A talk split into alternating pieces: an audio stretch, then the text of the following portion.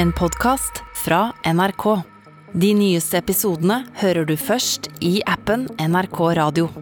Det er veldig få drap som skjer i landet vårt, så når noen blir drept, går det inn på oss. I dag er politiet svært sparsomme med opplysninger. Ingen er foreløpig mistenkt for drapet. Hva er det som får noen til å ta livet av et annet menneske? Og hva er det som avslører gjerningspersonen? Kan politiet stå framfor et gjennombrudd i etterforskninga i denne alvorlige saka? I denne podkasten følger vi sporene til de som dreper. Vi skal ta for oss drapssaker i Norge og snakke med etterforskerne og ekspertene og alle de som kan gi oss svar på hvordan de ble oppklart. Jeg heter Leo Ajkic, og dette er I dødens spor. Dette er del to av tre om Åsane-saken.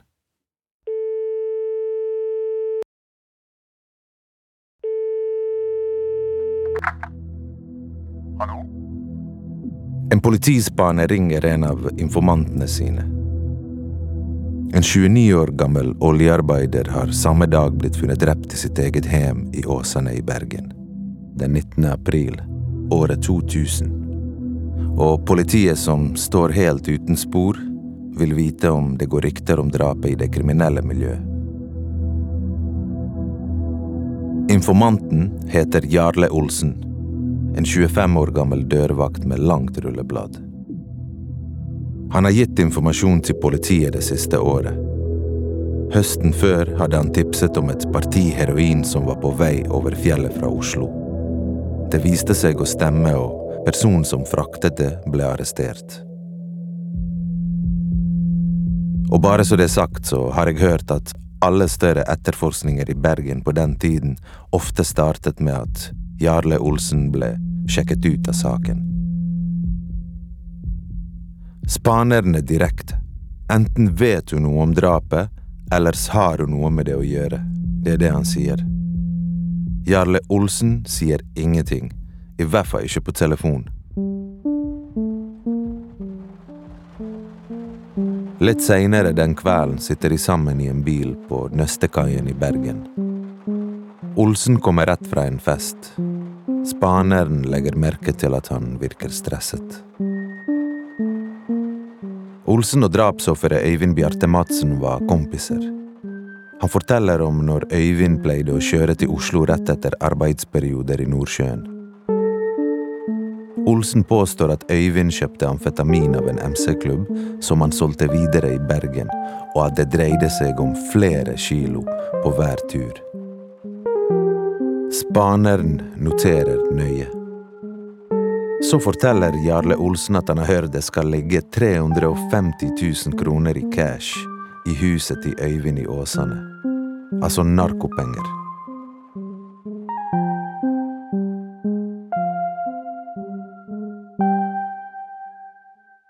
Denne saken bruker politiet en eh, informant fra det kriminelle miljøet. Hvordan kan man stole på info som kommer derifra? Eh, Det er ingenting i veien for at en kriminell kan være troverdig.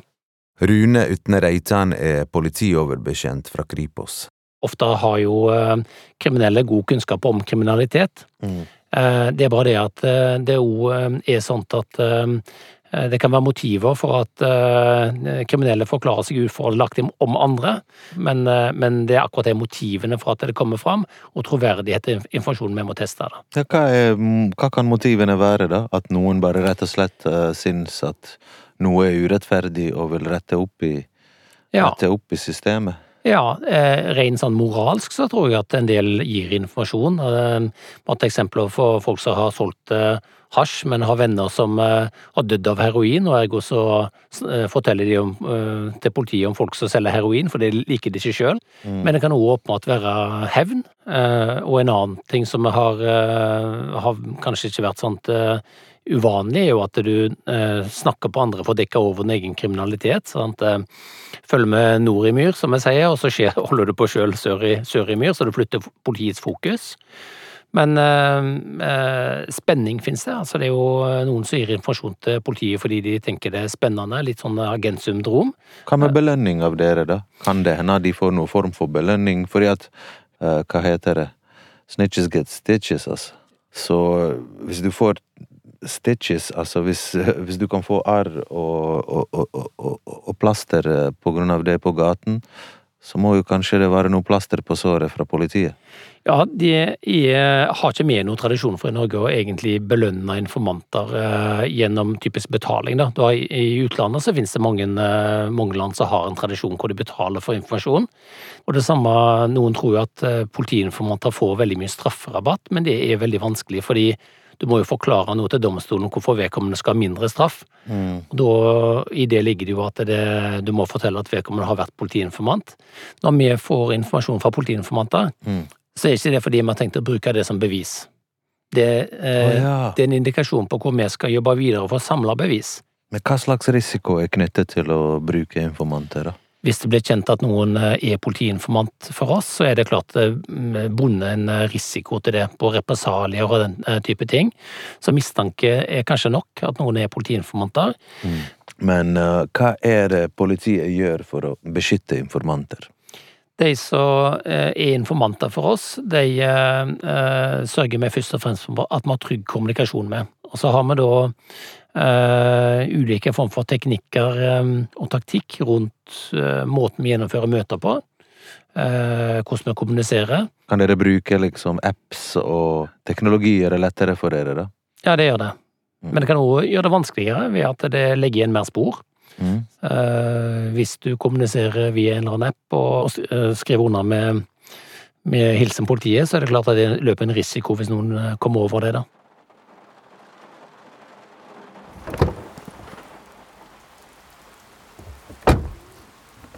Spaneren har notert det han trenger, og Jarle Olsen går tilbake på festen. For mange er Jarle Olsen et kjent navn i Bergen, spesielt Åsane. Og som ung så var han veldig atletisk, han drev med håndball og karate, men fra den tiden er det liksom kickboksing folk husker han best for.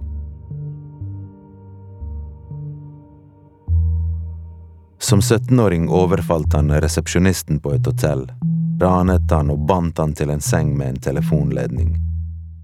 Retten mente han hørte hjemme på en behandlingsinstitusjon, men Olsen nektet å sone istedenfor i fengselet. Altså, det bare dukket opp flere og flere historier av folk som hadde blitt banket opp av Jarle Olsen, og senere så ble han en slags høvding i Flaktveit-gjengen, i hvert fall ifølge han sjøl.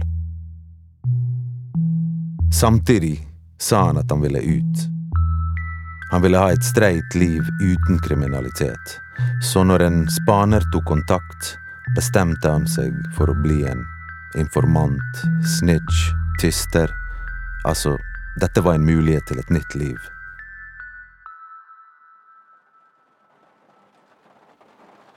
Spaneren sitter igjen i bilen og ser over notatene sine.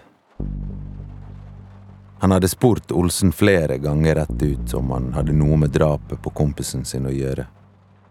Olsen nektet. Og forresten så kunne jo han uansett ikke ha gjort det. For på drapsnatten var han på en restaurant i sentrum og spilte poker med kompiser. Så gikk han og la seg på et hotell der han ble til neste dag. Jarle Olsen har derfor et vanntett alibi. Alibiet til Jarle Olsen blir seinere bekreftet med informasjon om mobilbruken hans. Men uh, mobilspor, er det så dønn sikkert, da? Nei, dønn sikkert uh, er det ikke. Vi brukte jo trafikkdata veldig mye på det i slutten av 90-tallet, begynnelsen av 2000-tallet. Jeg jobba sjøl med det, blant annet i Orderud-saken, så hadde jeg ansvar for den type spor. Mm. Og det ble brukt veldig mye aktivt da, fordi det var en viktig kilde for oss å vite hvor folk har vært og hvem de har prata med. Mm. Og ergo så ble det òg uh, brukt på en måte til å uh, som et, en form for alibisjekk, da. I dag har vi sånn geotag, jeg kan sende deg nøyaktig hvor jeg er, så treffes vi. Men hvor nøyaktig uh, i år 2000 var noens lokasjon?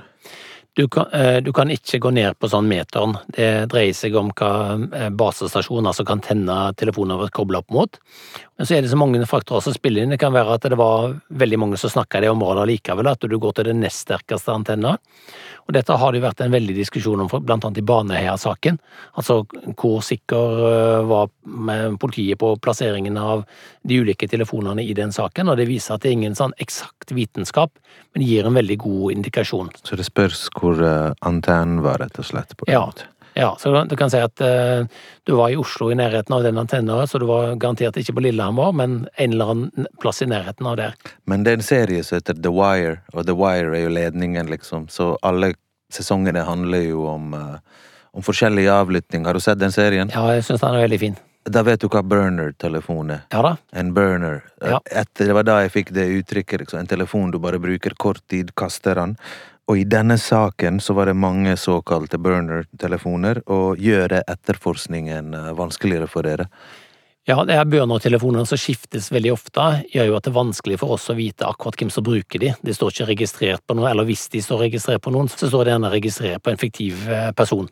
Mm. Og da drev vi, iallfall på den tida hvor burner-telefoner var veldig eh, i vinden, nå er det jo mer krypterte apper og kryptotelefoner som gjelder, mm. Eh, men da drev vi masse med sånne analyser og sammenligna den burner-telefonen, stemmer den med den telefonen vi vet han bruker? Så drev vi masse trafikkdataanalyser, og det var gjerne måten vi gjorde det på den tida, da. Mm. Og i Åsane-saken så ble 100 000 telefonsamtaler sjekket av politiet. Altså, det høres helt sinnssykt enormt ut. Altså, kan du forklare litt hvordan dette skjer? Jeg husker eh, selv når jeg jobba med den type saker, så var jo jeg synes 10 000, 30 000, 40 000, 100 000 samtaler var veldig mye. Men nå kan vi snakke om millioner av, eh, av uh, ulike former for kontakter som er blitt vant til å håndtere større datamengder. Og Da blir det gjerne at vi søker til mønstre, altså hvor mange ganger har A snakka med B, Eh, eller hvor mange ganger har avhørt i dette området, altså den type selektive undersøkelser. da. Eh, vi driver ikke og avhører alle som har hatt de 100 000 samtalene, eksempel. Men det er mønsteret vi gjerne ser etter. Det har gått flere dager siden de fant Øyvind Bjarte Madsen drept i sitt eget hjem, og politiet har fortsatt ikke siktet noen. Men noen har sett en burgunderrød bil kjøre fra åstedet, og politiet ber om tips. De vil komme i kontakt med sjåføren. De prøver også å kartlegge Øyvinds bevegelser fra han kom hjem fra Nordsjøen til han ble funnet drept. Alle som har sett han eller bilen hans i det tidsrommet, bør ta kontakt. Dette er meldingen fra politiet. Politiet får inn flere tips, men ingenting som leder de videre. Men så Seks dager etter drapet ringer tipstelefonen.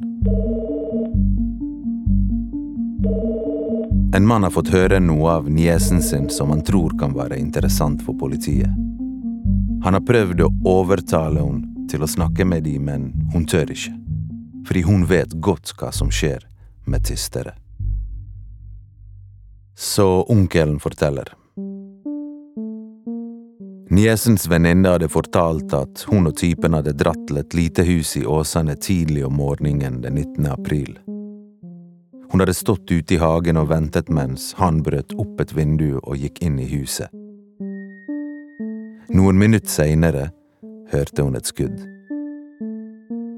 Onkelen vet ikke navnet på kjæresten, men han vet at han blir kalt for Tossen. Politiet vet godt hvem Tossen er. Han heter egentlig Tor Helge Flaten. Pressen har omtalt han som en av Bergens farligste menn. Altså en beryktet fyr som man ikke kødder med. Voldsdømt fem ganger. Kun noen timer seinere blir både Tor Helge Flaten og damen hans arrestert av politiet. Politiet i Bergen har pågrepet en kvinne og mann i midten av 20-årene og siktet dem for drapet på en oljearbeider på Åsane for en uke siden. Hun forteller det samme som venninnen fikk vite. Hun sto i hagen og ventet mens Flaten brøt seg inn i huset. Men Flaten sier ingenting. Paret sitter i hver sin celle og får ikke snakke med hverandre. Flaten blir etter hvert flyttet til et annet fengsel, og ved en tilfeldighet så blir kjæresten flyttet inn på hans gamle celle. På murveggen så har han lagt igjen en beskjed. Jeg elsker deg. Dette skal gå bra.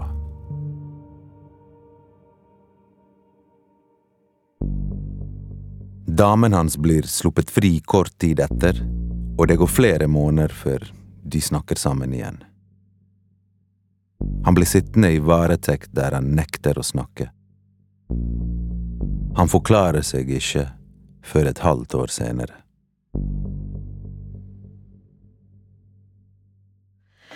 En sikta person har ikke plikt til å forklare seg for politiet. Elin Aune Jorde er etterforsker og har mange år med erfaring fra avhørsrommet. Samtidig så er forklare seg i et avhør er jo den muligheten som den personen har som er sikta eller mistenkt, til å forklare sin versjon av det som har skjedd. Eh, men hvis vedkommende ikke vil, så er det en rettighet som politiet må akseptere. Men Bruker dere bevisst noen metoder når folk snakker lite, eller når folk nekter å snakke? For eksempel tid, press, eh, gaver, bestikking, jeg vet ikke jeg. Nei, vi bruker ikke gaver og bestikkelser. Eh, Vi kan ikke lokke og lure eh, og få noen til å forklare seg.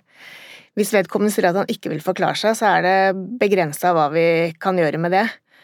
Um, hvis han sier at han vil forklare seg, men mm. kanskje ikke kommer med så mye opplysninger eh, under avhør, så kan vi spørre om, spørre om hvorfor han ikke snakker mer eller forteller mer, eller mm. Så det kan vi gjøre. Men rent sånn uh, praktisk, en kommer inn i et avhørsrom, en siktet. Dere sitter sammen sånn som jeg og deg gjør nå, på en måte, alene med en uh, båndopptaker på bordet eller noe sånt. En mobiltelefon gjerne i dag, sant? Ja. Vi har og... egne sånne MP3-spillere som vi tar opp på. Og hvordan begynner det? Hva sier du? I avhørsrommet så begynner det ved at vi går inn og setter oss, eh, og hvis det er på lyd og bilde, så forklarer jeg det. Og så eh, Vi vil gjerne at den sikta skal fortelle sin versjon av det som har skjedd først, uten at jeg avbryter eller stiller noen spørsmål. Noen ganger så kan den historien være lang, som den sikta kommer med, andre ganger så kan den historien være kort. Og så, eh, etter at de har kommet med den frie forklaringen sin, så ønsker jeg å stille spørsmål. For politiet skal jo finne ut av hva som har skjedd, hvem som gjorde det, og når det skjedde. Mm. Så da stiller jeg spørsmål opp imot den forklaringen som han eller hun har kommet med. Politiet har siktet og arrestert en person, men saken er langt fra oppklart. Flaten har ikke innrømmet noen ting, og politiet må finne bevis som knytter han til åstedet. Etterforskerne skjønner ikke hvorfor Flaten skulle drepe Øyvind. De mangler motiv. De tror kanskje drapet kan være bestilt av noen andre.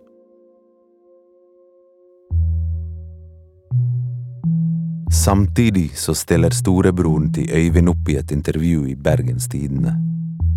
Han mener drapet hadde vært oppklart for lenge siden hvis alle som visste noe om drapet, hadde forklart seg til politiet.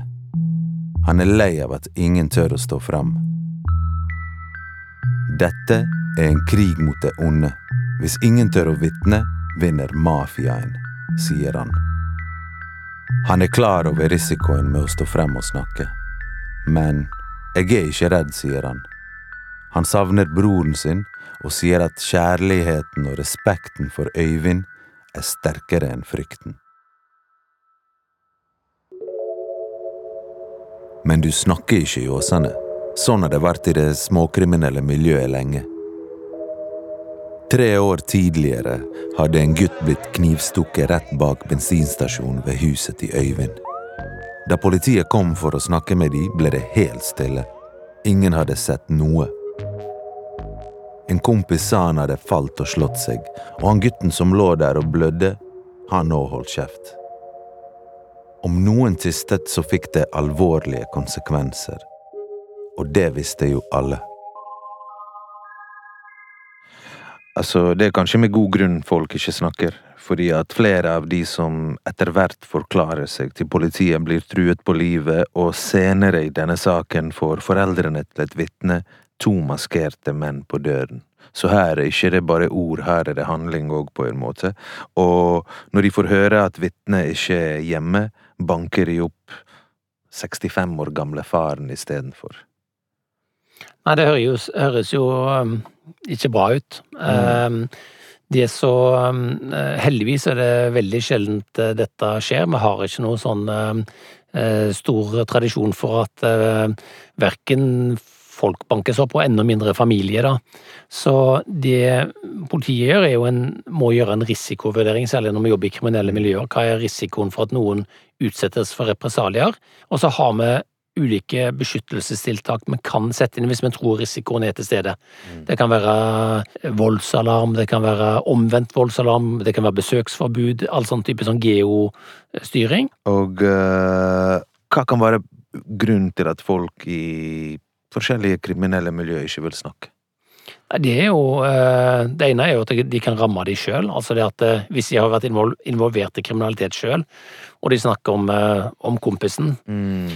Og så er det jo helt åpenbart at risikoen for represalier hvis det kommer ut, vil jo alltid være der. Men vanligvis så har vi en oppfølging av de som skal vitne i den type saker, og ulike former for tiltak. Både sånn i saken, men òg det vil jo gjerne, Et sånt hat vil gjerne vare noe lenger utover, så vi må jo følge det opp. Eh, og heldigvis, som sagt, så skjer dette veldig veldig sjeldent at vi får problemer med det. En måned etter drapet jobber 20 politifolk på spreng med saken. De har avhørt 120 vitner. Politiet bruker også masse tid på å analysere mobiltrafikk. Samtidig Inne på et av avhørsrommene har et vitne akkurat fortalt noe som kommer til å føre til gjennombrudd i saken. Hun forteller om en kompis som skrøt av at det var han som drepte Øyvind Bjarte Madsen. I dag lever mannen under vitnebeskyttelse, så i denne podkasten kaller vi han for Medhjelperen. Medhjelperen blir arrestert. Advokaten hans sier han er livredd, han skjelver, svetter og gråter i avhør.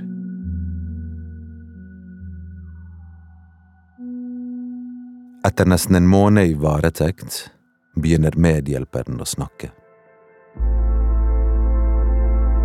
Det du nå skal få høre, er en av forklaringene på hva som skjedde i Åsane den morgenen Øyvind ble drept.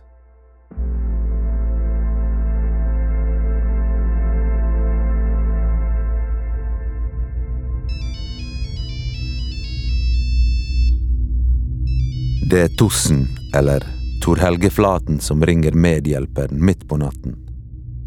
Han sier han trenger en sjåfør til en jobb i Åsane. Tossen tilbyr å slette narkogjeld som betaling. Det er noe medhjelperen har en god del av. De møtes på en adresse et annet sted i byen. Flaten har med klær som de tar på utenpå sine egne. De tar på seg lue og hansker, og de pakker med seg ekstra sko. Flaten viser en pistol og forteller om oppdraget. De skal ut i åsene og skyte en fyr i beina.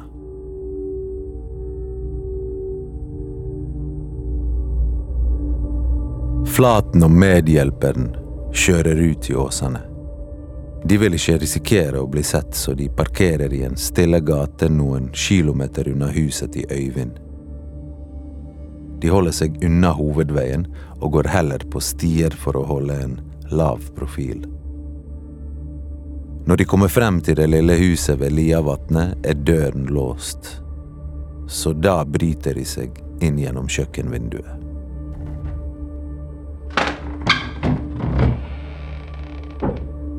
De hører et hallo som kommer fra etasjen over. Og sekunder seinere så kommer Øyvind Bjarte Madsen ned trappen. Han virker irritert. Flaten ber han om å sette seg ned i lenestolen. Han tar frem pistolen, retter den mot hodet til Øyvind og fyrer av et skudd.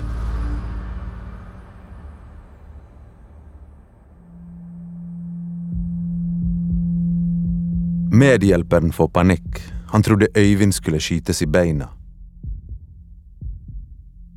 I skogen utenfor huset til Øyvind, i en trehytte, bytter de klær og skifter sko. Så skiller de lag. Medhjelperen henter bilen, Flaten tar bussen. De møtes igjen etter en liten stund og kjører ut til et steinbrudd. Der kaster de fra seg alt av klærne de hadde brukt. Hansker, T-skjorter, gensere, sokker, en bukse og et par med sko. Etter det går de hver sin vei.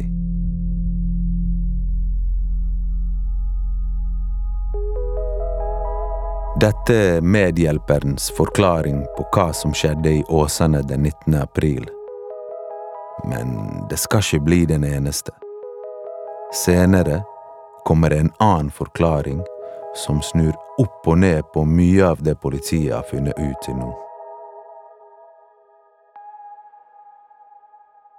Om noen forteller sannheten, eller om noen lyger, ikke det bare til å bruke løgndetektor, så vet dere hver eneste gang?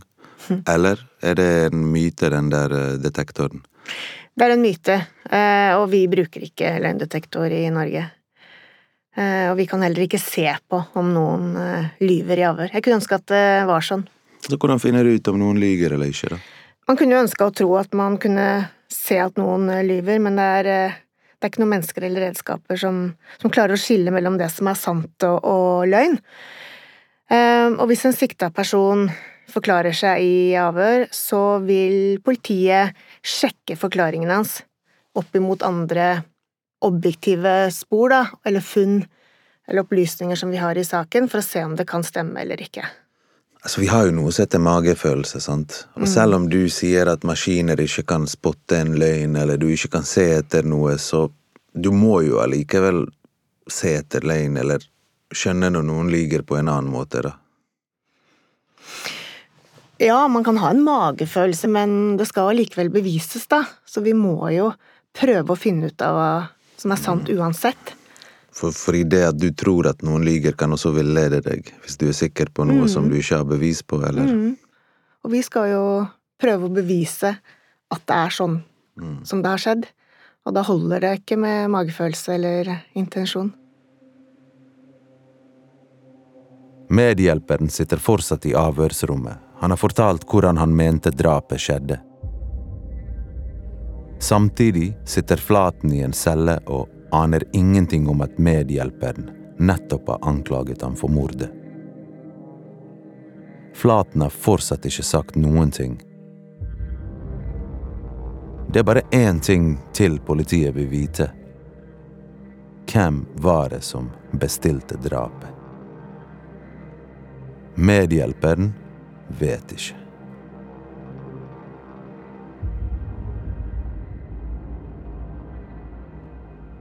Etterforskerne slår av opptakeren.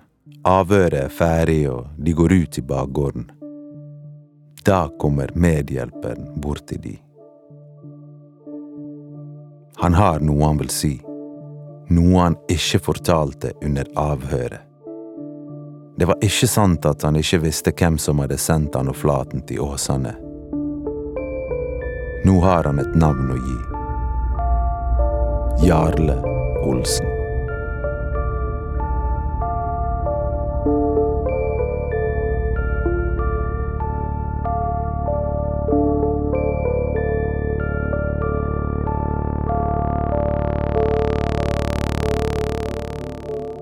Du har hørt del to av tre om Åsane-saken. I neste episode Så Det er jo en høy risiko med å ta på seg en gjeld så du ikke vet om du kan betjene i et kriminelt miljø, nettopp fordi at du da ikke får brev fra namsmannen, men da kan du risikere å få noen på døra. Jeg ble satt til å dekke rettssaken, og det var en, det var en utrolig spesiell rettssak, syns jeg, da. I Dødens spor er en podkast laget av Filt for NRK. Ingen av ekspertene vi har snakket med, har jobbet direkte med denne saken. Manus, klipp og lyddesign er av Ådne Riis Hallås. Lydmiks av Daniel Daatland. Kjenningsmelodi av Steven Romeo og musikk av Therese Aune. Produsent er Namra Salim. Redaktør i NRK er Ole Jan Larsen. Og jeg heter Leo Ajkic. Du har hørt en podkast fra NRK. De nyeste episodene hører du først i appen NRK Radio. En podkast fra NRK. Jeg tenker at sosiale medier kan være Altså når det er kaldt, da. Du fryser i hjel. Det fins en internett, og det fins en internatt. Ok, Velkommen til Trygdekontoret. Jeg har lenge tenkt sånn at som ateist så må jeg bare prøve å bli med en sekt. altså. Jeg elsker å lage fest, f.eks. Så en god sekt forlenger livet. Ja, det gjør det. Altså, det der med at mennesker trenger sosial kontakt, det er bare piss. Trygdekontoret hører du først i appen NRK Radio.